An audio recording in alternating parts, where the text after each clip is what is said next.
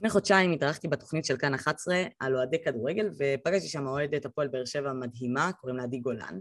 אה, סיפרתי לה הפודקאסט והרבה זמן רציתי שהיא תצטרף לפאנל שלנו ואתמול התקשרתי להגיד לה שאנחנו מסכמות את המחזור ונשמח שהיא תצטרף ותגיע. אה, היא שיתפה אותי שזה ימים מאוד קשים לה, כי היא אחות שקולה. אה, אז אנחנו כאן, קצת לפני ערב יום הזיכרון, ואני אשמח להקדיש רגע אחד לספר לכם על אסף גולן, אח של עדי. אסף היה אוהד הפועל באר שבע שרוף. הוא היה מגיע לכל משחק, תמיד מעודד, וכולם ידעו איך המשחקים של הפועל באר שבע נגמרו רק מהמצב רוח שלו, אה, אפילו המורים. ביום הבר מצווה שלו, אה, כשהיה משחק של הפועל באר שבע, הוא סירב לפספס ונסע למשחק עם אבא שלו, החליף בגדים באוטו והגיע לאירוע יחד עם האורחים. הדבר הזה, האהבה הזאת להפועל באר שבע הייתה כל כך מדבקת, והמשפחה כולה נדבקה באהבה הזאת, והם היו מנויים כולם יחד. אסף התגייס לשריון ושירת בחטיבה 401 ונהרג בלבנון ממטען צעד יחד עם ארבעה מחבריו ב-25 באוקטובר 1992 כשהוא רק בן 19.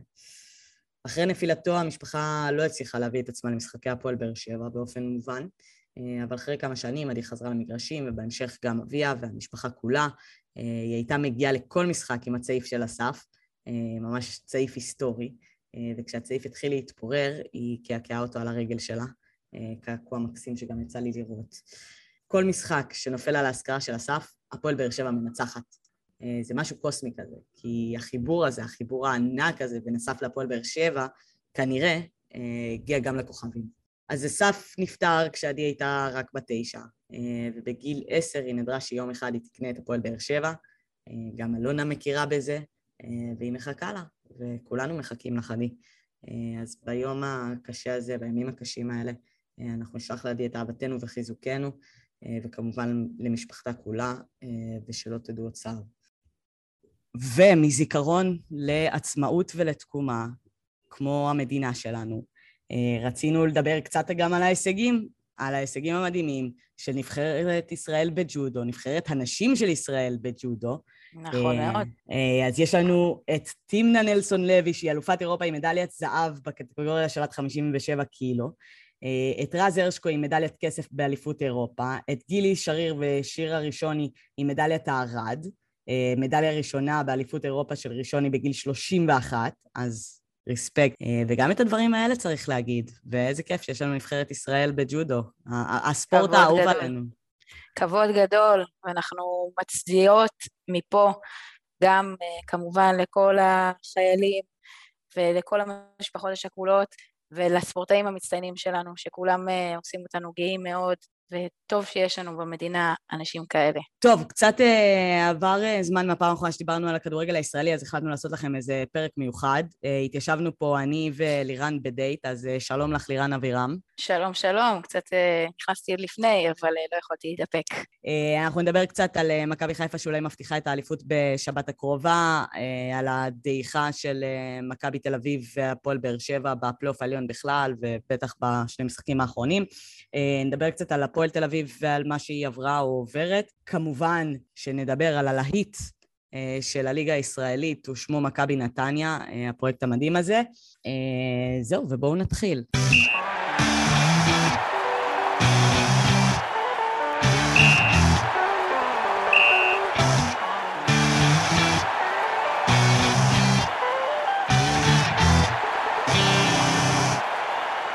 לוקחת אליפות ביום שבת? אני חושבת שכן.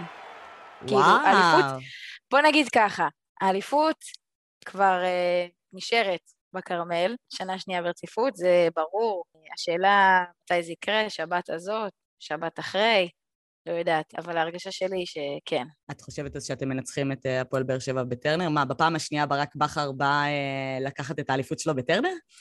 וואו, כן, מעניין איך הוא מרגיש לגבי העניין הזה. אני, אני חושבת שהוא מאושר, לא נראה לי שאכפת לו כל כך... אה, מעניין איך אלונה ברקת מרגישה. אלונה ברקת, פספוס שלה. מה ש... מה ש...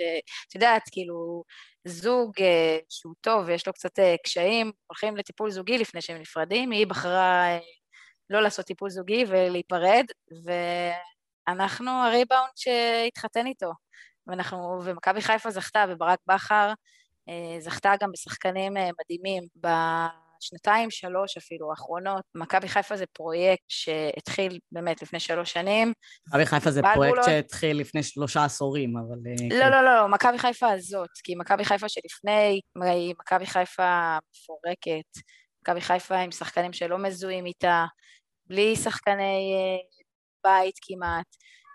מאמנים שמתחלפים בשום דרך, וקהל שלא הצליח להתחבר, ומכבי חיפה הזאת, היא מכבי חיפה שלה, קבוצה שראויה לאליפות הזאת, לקח להם קצת יותר זמן ממה שחשבנו, כי הם קצת אה, פישלו פה ושם במשחקים אה, שלא לא היו אמורים, חוץ מנתניה שבאמת, אה, עם כל הכבוד לנתניה, אבל אה, מכבי חיפה, כן, צריכה, צריכה לסיים את הסיפור הזה ביום שבת.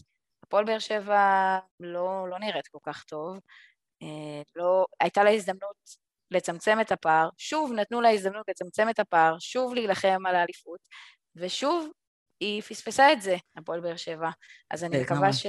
כן, אני מקווה שהם יראו בעיניים שלהם את מכבי חיפה לוקחת אליפות, אה, וינסו אולי לחלום על העונה הבאה, לא שזה נראה שזה הכיוון. תשמעי, בעונה הקודמת אה, מכבי חיפה שוברת בצורת של יותר מעשור, ואם אני לוקחת אותך קצת יותר מעשור אחורה למכבי חיפה, בוא נגיד המיתולוגית, היניב קטן, אה, אז הרבה מהאליפויות שם, היה שבע אליפויות לדעתי בעשור או משהו כזה, אל, אל תפסי אותי על המספרים נכון. המדויקים. אמ, היה שם עליונות ודומיננטיות אה, בקבוצה הזאת שפשוט דרסה את הליגה. אני זוכרת שדיברו עליה במונחים של אה, מכבי תל אביב של הכדורסל. והעונה הזאת, גם העונה הקודמת, אבל בעיקר העונה הזאת, מרגיש שחלק מהאליפות, מכבי חיפה כבודה במקום המונח היא קבוצה אדירה, והמספרים שלה בסיבוב הראשון ובסיבוב השני מעידים אה, כמה השחקנים שלה הם משמעותיים וכמה היא דומיננטית וכמה היא קבוצה. And yet, אין פה עליונות משמעותית, כמו הרבה מאוד חולשה של יריבות. אה, זה גם נכון. אה, אני חייבת להגיד שמכבי חיפה עם כל זה שהיא קבוצה מדהימה וטובה, היא מדהימה וטובה לליגה הישראלית.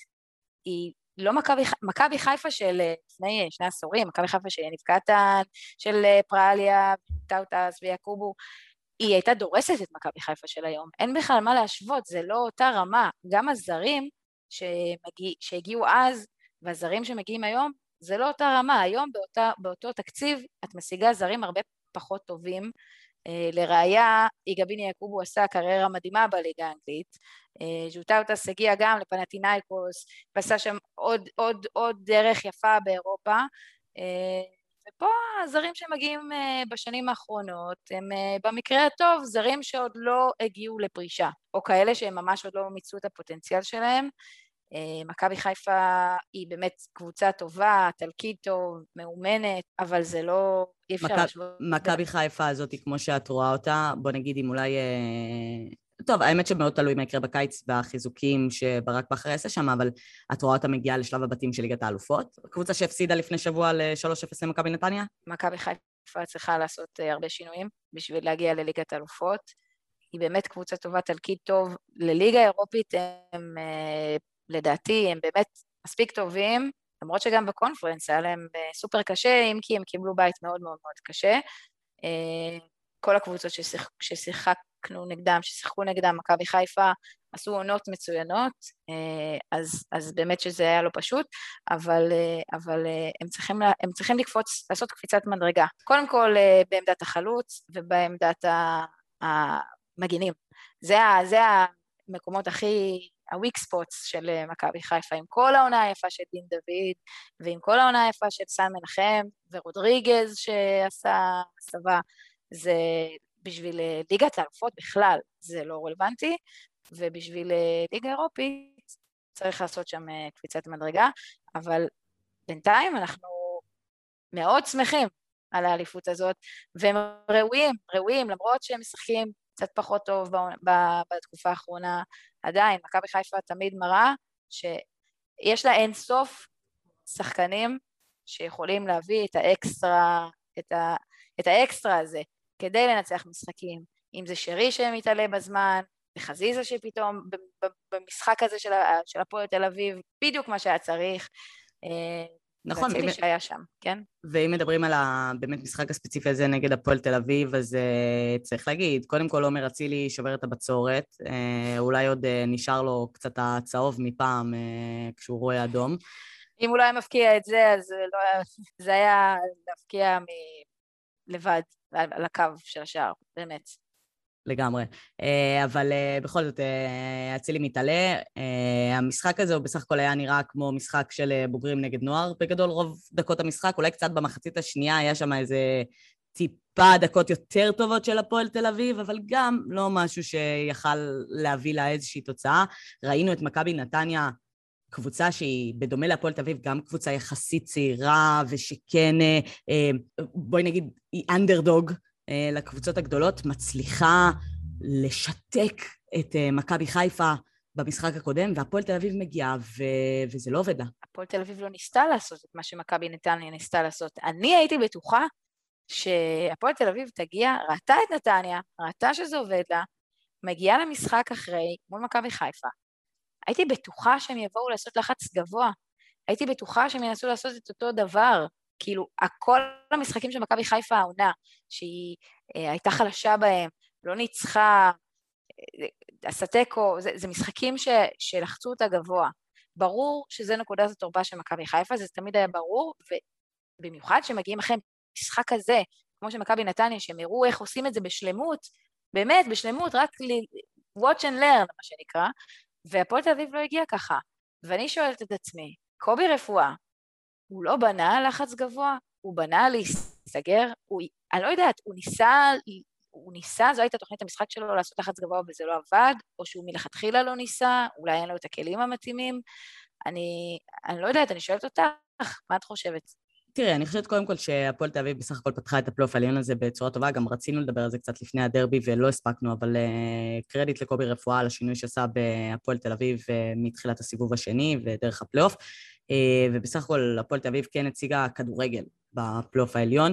אה, היא הגיעה לדרבי נגד מכבי תל אביב, שעוד שניה נדבר גם עליה, אבל היא מגיעה לד... לדרבי הזה, ובמחצית אחת סופגת חמישה שערים, זה טראומה, זה דבר מאוד קשה, אה, זה מאוד מפרק קבוצה, ואז להגיע שבוע אחר כך למכבי חיפה, אני חושבת שזה משפיע. אמ, אני לא יודעת אם זאת הייתה תוכנית המשחק של קובי רפואה, או, ש, או, ש, או שלא עבד לו הלחץ הגבוה. קובי רפואה, אני מחזיקה ממנו כמאמן איכותי סך הכל, וגם דיברנו על הדברים הכן טובים שהוא עשה. אני לא מאמינה שהוא בא ואמר, אוקיי, כולם מצליחים בלחץ גבוה, אז אני אעשה הפוך.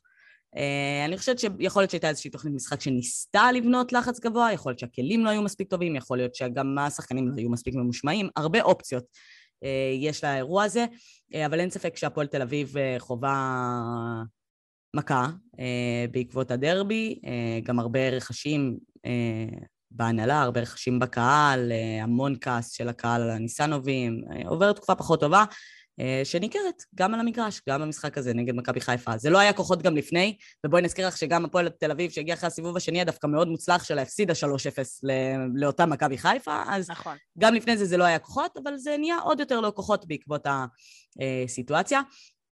אבל אם כבר דיברנו על הפועל תל אביב ועל אה, דרבי, תכף נחזור שנייה על ההימורים שלנו לגבי יום שבת, אה, על אה, מכבי חיפה שאולי שולחת אותך לחוף דדו, אבל היה לנו דרבי של מכבי תל אביב נגד הפועל תל אביב, משחק שלא הספקנו לדבר עליו, אבל באמת מהמשחקים האלה שכאוהד אתה אומר, וואו, זה, זה פעם בעשור אני מקבל כזה דבר. פעם ב- אתה זוכה לצפות במשחק כזה.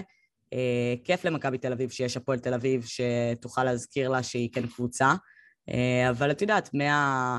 אה, מהחלום החמוד הזה שבו חיינו ב... עם החמש אפס והצמדים והאיזה כיף, נחתנו חזרה לקרקע מול סכנין, שלא רק עושה תיקו כרגיל, היא גם מנצחת את המשחק, בנוסף לזה. אה, קרסטייץ' אמר בסוף המשחק שסכנין לא באה לשחק כדורגל. אני לא אוהבת את הבכיינות הזאת, זה קצת כזה, בסדר, אז תשחק אתה כדורגל, כאילו עובדה שיש קבוצות שכן מצליחות לפרוץ את סכנין, וסכנין כן חוטפת שערים, אז את יודעת, אה, גם אה, את זה צריך להגיד, אבל, אבל כן, דיברנו על זה גם לפני, מרגיש שסכנין לא... לא מעוניינת לשחק כדורגל התקפי, או, או, או לנסות ולייצר, היא לא רוצה להלהיב, היא לא מנסה להלהיב, היא לא מנסה להיות מכבי נתניה לצורך העניין. אה, היא... היא רוצה אירופה, היא רוצה מקום רביעי וזה עובד לה. בואי נראה, בואי נראה. אני, אני חושבת שמכבי נתניה כן תחטוף בסוף את, ה, מקום הרביעי, אבל נראה לי שזה ייקבע בעיקר במפגש הישיר ביניהן. ובכל זאת לבני סכנין עדיין מחכים משחקים קשים נגד מכבי חיפה והפועל באר שבע, כן? זה לא שסכנין, כאילו מה שמכבי נתניה כבר סיימה, ובהצלחה גדולה, בני סכנין עוד לא התחילה. זה נכון. בקיצור, חזרה למכבי תל אביב, מכבי תל אביב נראתה כמו כל העונה שלה, אה, כאילו שני המשחקים האלה פשוט ייצגו את העונה של מכבי תל אביב מהתרוממות רוח מדהימה ואיזושהי עליונות כזאת אה, לשפל, אה, חוסר יציבות, חוסר יציבות לא רק של הקבוצה, לא רק של המאמן, לא רק של המערכים, חוסר יציבות גם של השחקנים עצמם. יובנוביץ' מפקיע צמד ב... דרבי, ואז מגיע לסכנין, וארבעה מצבים שהיו יכולים להיות 4-0, ממש ליטרלי 4-0, שראינו את יובנוביץ' מפקיע אותם כבר, לא נכנסים, וככה נראית העונה של מכבי תל אביב, אבל אנחנו נסכם אותה מאוחר יותר, ואם... מאוחר יותר, נסכם אותה כשנסכם את הליגה, אבל אה, אם דיברנו על אה, מכבי חיפה ועל חוסר היריבות, אז מכבי תל אביב היא חד משמעית לא יריבה אה, כרגע למכבי חיפה. עכשיו בטח שלא, כי הפרש 13 נקודות זה כבר משהו שלא יקרה. אה, סטטיסטית, במספרים, זה כבר לא יכול לקרות. אבל, אה, אבל כן, מכבי תל אביב תצטרך לחשוב טוב טוב איך היא מגיעה לעונה הבאה כדי כן להיות יריבה למכבי חיפה, שכנראה תמשיך עוד עונה אה, בניסיון לשמור על העליונות שלה. ומפה נדבר קצת על הפועל באר שבע, היריבה השנייה של מכבי חיפה, שאומנם סטטיסטית עוד קיים לה הסיכוי, אך ורק אם היא תנצח את כל המשחקים הקרובים, ומכבי חיפה תפסיד את כל המשחקים הקרובים. זה הסיכוי כן. היחיד של הפועל באר שבע לקחת אליפות, אנחנו כולנו יודעות מה, מה הסטטיסטיקה האמיתית של הדבר הזה, היא אפס. חלומות זה יפה. כן. בדיוק. אה, אגב, לא רק בגלל שהסטטיסטיקה היא לא עובדת ככה, אלא גם בגלל שמכבי חיפה לא תפסיד ארבעה משחקים כי היא מכבי חיפה והיא מצוינת, וכי הפועל באר שבע לא תנצח ארבעה משחקים כי היא הפועל באר שבע והיא לא מספיק טובה. נכון. אה, ובשתי ההזדמנויות האחרונות שהיו לה, גם נגד מכבי נתניה וגם נגד בני סכנין, דיברנו על המשחק הזה נגד בני סכנין, שמגיע אחרי ה-3-0 של אה, אה, מכבי נתניה על מכבי חיפה, איזושהי הזדמנות באמת לצמצם את הפער וגם קצת להלחיץ, עזבי את הצמצום פער ברמה התיאורטית שלו, אלא ממש להלחיץ את מכבי חיפה ולהגיד, היי, היי, אנחנו פה, אנחנו פה, תחכו למפגש איתנו, יהיה מפגש מעניין. ו... ולא מנצלת את ההזדמנויות האלה כראוי. אני חושבת גם שיש לזה הרבה קשר לדרך, דיברנו על הדרך ש... מכבי חיפה עשתה בשלוש שנים האחרונות עם הצערת הסגל ו- ושחקנים מבית וסמלים וכדומה.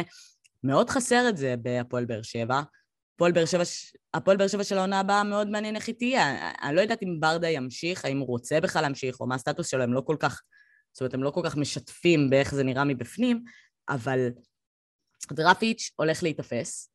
אה, אין עוד מאמנים ישראלים שנמצאים ברמה שיכולה להוביל את uh, הפועל באר שבע לאליפות. אולי בלבול, אבל זה לא משנה, אני, אני אגיד לך את האמת, זה לא משנה המאמן, אני חושבת שהפועל באר שבע בעונה הבאה, אם הם רוצים להיות איזשהו פקטור, הם צריכים להתחיל מאפס. הפועל באר שבע של העונה, היא נהנתה משני דברים שהביאו אותה למקום הזה. האחד, ודיברנו על זה עכשיו, זה הליגה החלשה וחוסר יריבות, והשני זה שהייתה להם הגנה מאוד מאוד חזקה, והשלישי זה שזה הניסיון. ואני חושבת אבל עם כל הניסיון הזה, זה גם הרבה פגע בהם. כי באר שבע קצת מרגיש העונה שזה מין קבוצה ש... של שאריות כזה. שאריות של מכבי תל אביב, שאריות של מכבי חיפה, שאריות ושאריות ושאריות. אה, שאגב, מכבי חיפה הייתה ככה בעשור הקודם, היא הייתה קבוצה של שאריות, זה לא הוביל אותם אה, למקומות אה, טובים במיוחד. באר שבע אם היא רוצה להיות פקטור באמת אמיתי על האליפות, היא צריכה לבנות שם פרויקט אמיתי עם שחקנים רעבים, עם פוטנציאלים, עם... אה, עם אז מאמן זה בטופ של הטופ, בסדר? או, או הבוטום של הבוטום, כאילו המאמן תכלס אמור להחליט את איזה שחקנים להביא, אבל הם יביאו גם, הם צריכים להביא מאמן בהתאם למה שהם רוצים. אם הם רוצים לבנות פרויקט חדש ומשהו מסעיר, אז הם צריכים להביא מאמן מתאים לזה. אם הם רוצים אה, מאמן שינהל את הקבוצת אה, כוכבים לשעבר, או חלקית כזאת, ש, שינהל אותם בעונה הבאה, אז בסדר, אבל זה, זה סוג אחר של מאמן. אה, תשמעי, אני שמעתי את ניב גולדשטיין, מנכ"ל מכבי נתניה, מתראיין ממש לפני יומיים בפודיום, והוא דיבר על זה, הוא ממש, הוא, הוא אמר, הפרויקט של מכבי נתניה, השנתונים, כאילו, על, באמת, הם, הם קראו לזה פרויקט השנתונים של 2000 עד 2002, שיניב תוצאות ב-2025. אה, ולמזלם הניב תוצאות עוד הרבה לפני. אבל, אבל ככה נראית החשיבה של מועדון שבאמת רוצה להביא מבית ולהצליח אה, אה, לגדל ולעשות משהו שהוא אה, אה, אחר. אני לא יודעת איפה נמצאת מחלקת הנוער של הפועל באר שבע, שזה גם מוזר, כי נניח אני יודעת איפה נמצאת מחלקת הנוער של מכבי תל אביב או של מכבי חיפה. הם לא מוז... שם, זה לא אותה רמה. אה, כן, אז, אז אולי באמת הגיע הזמן להשקיע מלמטה. אלונה ברקת מנהלת את הפרויקט הזה כבר הרבה מאוד שנים, אה, לקחה שלוש אליפויות. אה, הגיע הזמן להתחיל ולבנות את הפרויקט הזה מאיפה לא, שהוא צריך להתחיל. אני חושבת שהתחילה, אני חושבת שהתחילה, באו אליה בשנים הקודמות הרבה טענות על זה שהפועל באר שבע מתבססת על שחקני רכש, ואין שום דבר מבית, ואני חושבת שכן אה, התחילו להניע את ההשקעה במחלקת הנוער. הם לא יראו את התוצאות של זה, לא יודעת, בשנתיים, שלוש הקרובות, סביר להניח שהם לא יראו את זה. זה ייקח זמן. אה, אני גם חושבת, לא יודעת, אני מתארת לעצמי, גם מבחינה גיאוגרפית, שגם קשה להביא שחקנים, למשוך שחקנים צעירים להגיע לבאר שבע, כאילו שחקן שגר בתל אביב, לבוא לאקדמיה בחיפה, או הפוך, הרבה יותר קל. אה, לא, לא נכון, מה זה, זו אותה רכבת של שעה, מה ההבדל? למה סתיו נחמני, שמכבי חיפה מחתימים אותו בנוער, אה, הוא היה שחקן מכבי תל אביב, מחתימים אותו בנוער, אה, ובעצם חוטפים אותו ממכבי תל אביב. למה מה זה? זה שעה של רכבת, של בן אדם שגר במרכז. לא יודעת, האם באר שבע. לא יכלו לעשות את זה? יכלו. יכלו, אני חושבת שזה יותר קשה, גם, את יודעת, יש מחלקות נוער הרבה יותר נוצצות זה צריך, הם יצטרכו לעבוד קשה כדי לפתות שחקנים עם פוטנציאל, שחקנים צעירים עם פוטנציאל, לבוא דווקא אליהם. אולי באמצעות כל מיני חוזים אה, מעניינים, כל מיני תנאים מעניינים, יציאות לאירופה וקלות וכאלה, אולי בתור התחלה כדי להתחיל לבנות שם איזה משהו, אבל יש להם את כל האזור של הדרום שהוא בשליטתם המלאה. אני בטוחה שאפשר להמציא, למצוא שם כמה שחקנים אה, נוצצים וטובים, אבל זה ייקח זמן. אבל זה לא רק זה, זה גם השחקנים בוח, בוחרים לרכוש, סליחה. השחקנים שהם בוחרים לרכוש, שחקנים שהם כזה כבר סיימו את שלהם, אמנם נגיד אה, רוקאביצה, אוקיי, הוא דוגמה מצוינת, הוא כאילו מצד אחד, מי, מי יוותר על רוקאביצה? זה שחקן שהמלך השערים, באמת שחקן אחד, הוא יודע לנצח משחקים גדולים מצד אחד. מצד שני, שחקן כבר מבוגר, שחקן קצת שבע, שחקן שבמקרה כזה התגלגל אליהם, לא באמת רצה להישאר פה בליגה. אני לא יודעת אם אני הייתי, אם הייתי חושבת על פרויקט עתידי, אם הייתי הולכת לשחקן כזה. זה קצת מרגיש כאילו הפועל באר שבע בעונה הזאת לפחות, הם, הם לא בנו שום דבר לעתיד, הם עשו... אנחנו רוצים לקחת השנה אליפות, כאילו, לא משנה מה, והביאו כל מיני שחקנים שאולי יעזרו להם לעשות את זה, וזה כמעט עבד. למזלם, בגלל שהליגה מאוד חלשה. אה, אם היו פה קבוצות אחרות שיכולות, שהתעלו קצת על עצמן, מכבי תל אביב שהייתה משחקת קצת כמו עצמה, אה, ונתניה אם הייתה מתחילה ככה מתחילת העונה, ואם אה, ביתר הייתה ביתר ולא מה שהיא עכשיו, אז אולי הפועל באר שבע לא היו במקום השני. לגמרי, אה, אני ממש מסכימה, ואני גם חושבת שאת יודעת, צחקתי על זה עם חבר השבוע שאייל גול עשה בתקופה פחות טובה, ואם מכבי תל אביב החליטו לוותר עליו, אז הוא obviously ילך להפועל באר שבע. וככה זה נראה. כן, אה, אה, כי זה באמת ככה זה נראה, את יודעת, כן יש להם איזשהו שלד של, אה, בוא נגיד, שחקנים טיפה יותר צעירים ש, שרוצים שיובילו את הקבוצה, כמו גורדנה, כמו אה, יוספי, כמו ספורי, אה, אבל, אבל זה לא שם וזה לא מספיק, ו, והם צריכים לדחוף לזה יותר, ואתה אה, יודע, דיברנו על הפועל תל אביב, על מכבי נתניה, דווקא הקבוצות האלה עושות את זה מצוין, מגדלות שחקנים מבית, וזהו. אז מהפועל באר שבע אה, שהיא המבוגרת הרשמית של הליגה, למכבי נתניה, שהיא המרעננת הרשמית של הליגה, שגם ניצחה אותה השבוע 3-0. היינו מסקרות את המשחק הספציפי, אך באמת, חוץ מ... אה, אה, להתלהב, פשוט לראות אותו, לא בא לך לראות את הסטטיסטיקה כי זה פשוט לא מעניין, אתה פשוט מסתכל על המשחק ואתה אומר כזה, איזה כיף לראות את הכדורגל הזה, איזה כיף לראות את מכבי נתניה משחקת כדורגל. וואו, נתניה, באמת, כאילו בני לם סיים את המשחק עם מכבי חיפה עם הוואו הזה, והמשיך עם הוואו הזה. הם לא עצרו, זה לא היה מקרי, כאילו אמרנו, בפעם הקודמת שדיברנו על זה, אמרנו שהוא אה, התלהב, כי כל תוכנית המשחק עבדה לו, והכל התחבר, כאילו, ואת אומרת, כמה פעמים אה, דבר כזה יעבוד? אז הוא עוד פעם מתחבר. זה לא בטעות התחבר להם, הם עובדים ככל הנראה מאוד קשה באימונים כדי שזה יצליח, הוא גם אה, מכניס את השחקנים, בן אילם משתמש בשחקנים הנכונים בשביל השיטה שלו, ורואים שם שיש דרך, רואים ששחקנים יודעים מה לעשות, יודעים לאן ללכת, יודעים לאן למסור, איך ללחוץ. אני חושבת שזה הרבה יותר מזה. קודם כל, כל הקרדיט לבן עילם והשיטה המדהימה שלו, והוא מאמן ענק, ובאמת, אי, אי אפשר לקחת את זה ממנו, והביאו מאמן שהוא חסר ניסיון באימון בוגרים, לא, לא רק בגלל שהוא סמל, אלא בגלל הדברים היפים שהוא כן עשה במחלקות נוער, וזה פשוט עובד, ושיטת המשחק שלו מדהימה. אבל צריך לתת גם את הקרדיט למכבי נתניה כמועדון, כי בכל העונות האחרונות שבהן הייתה קבוצה מלהיבה, אה, היא תמיד הייתה מכבי נתניה, ו- וזה תמיד היה אה, אה, בזכות הכדורגל הכיפי הזה. אני זוכרת גם את העונה של אה, אה, דרפיץ' וברדה, אני לא יודעת אם את זוכרת. גם עונה כל כך מלהיבה עם, נכון. עם, אה, עם רן לוי ועם דיה סבא ועם השערים המשוגעים האלה, ו- וגם כדורגל מאוד התקפי, שיטת יהלום, שני חלוצים, כאילו...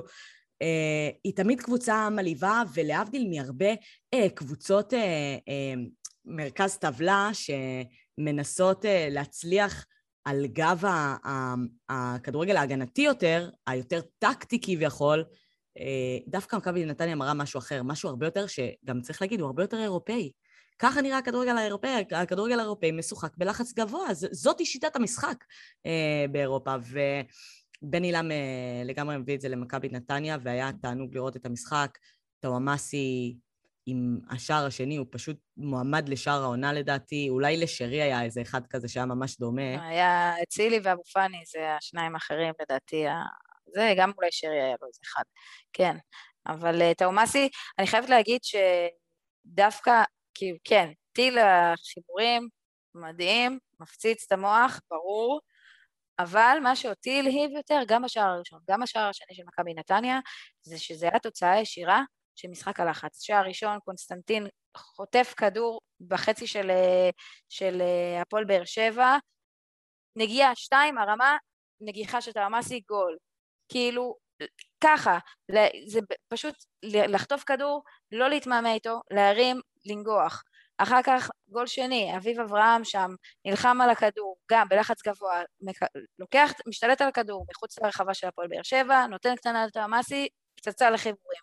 זה, שני, אלה שני שערים, עזבי שהם היו מאוד מאוד יפים, וטאוואמאסי עם פינישים גדולים, שני שערים שהם נטו על זה שהיה משחק לחץ גבוה, יעיל, נכון, ושחקנים שלא ויתרו על הכדור. אני חושבת שזה פשוט מרגיש שמכבי נתניה יכולה לנצח כל קבוצה.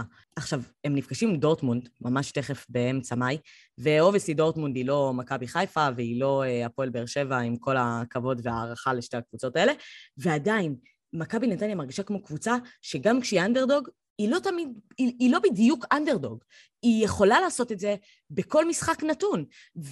ואני לא רוצה לחתום על זה באלף אחוז, אבל מרגיש לי שהיא כן יכולה לתת fight לדורטמונד.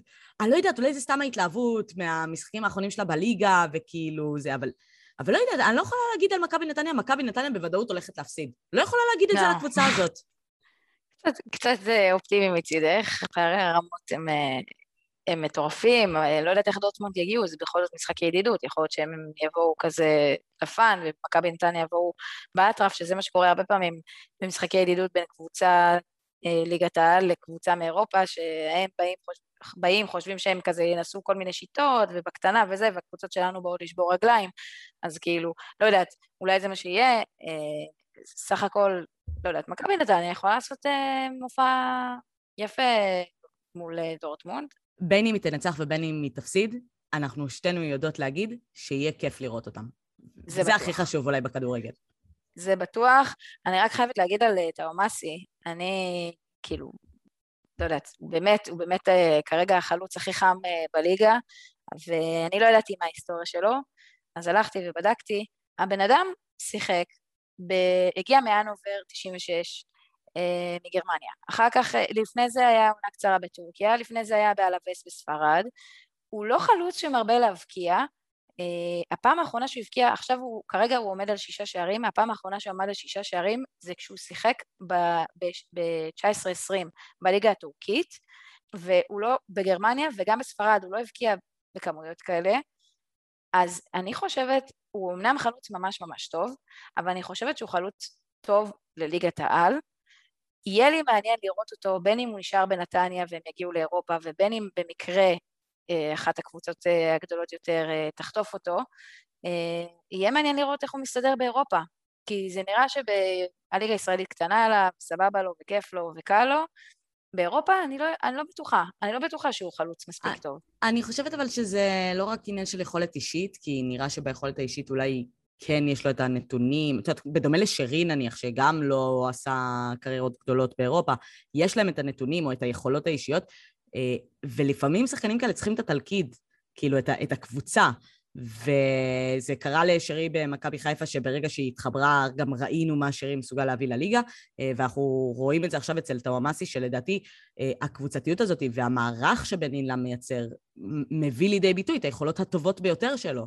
אה, אז יכול להיות שטוואמאסי אולי יצליח או לא יצליח באירופה, או אם מכבי נתניה תגיע גם להתמודד באירופה במקום הרביעי, אז אולי גם נראה, נדע יותר, אבל מרגיש שפשוט הוא בדיוק במקום המתאים לו, הם משחקים בשיטה המתאימה לו, והם מוציאים מהשחקן הזה את המקסימום, שזה לא מפתיע, כי בן אילם מצליח מכל 11 שחקניו, לא משנה מי עומד על המגרש, להוציא את המקסימום. וזה הקסם של בן אילם, זה הקסם של הקבוצה הזאתי. אה, ובמעבר חד, שמעתי גם ש... את יודעת מה? בואי, בואי נקשר גם. שמעתי שבמשחק הזה נגד הפועל באר שבע אה, הייתה הרבה מאוד אלימות מצד אה, אוהדי אה, אה, מכבי נתניה. יש אה, יריבות אה, עתיקת שנים בין אה, מכבי נתניה להפועל באר שבע, לא יודעת אם את מכירה אותה, אה, פעמיים שהפועל באר שבע הורידה אותם ליגה. אה, וואלה.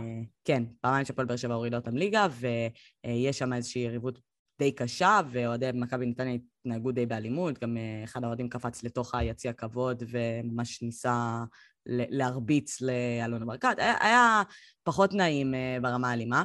Uh, וכמובן שאנחנו מאוד מאוד מאוד מגנות אלימות, ולא נגיד פה שום דבר שיכול אולי להשתמע בזה שאנחנו ממעיטות בערך uh, של האלימות. אבל מה קורה לעונשים של המינהלת? למה? מה זה עונש רדיוס? מישהו חייב להסביר לי את העונש הזה.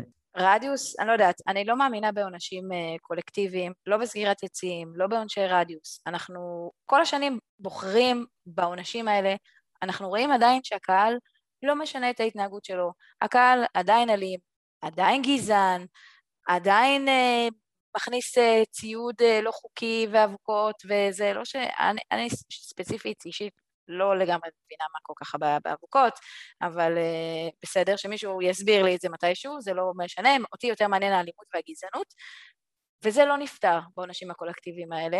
אני לא מצליחה להבין בכלל למה אנשים שלא לוקחים חלק בתופעות האלה צריכים לשלם את המחיר, למה אנשים ששילמו uh, ממיטב כספם על מנוי לא יכולים להגיע למשחקים, בטח למשחקים ברגעי הכרעה. אני לא מאמינה בפתרון הזה.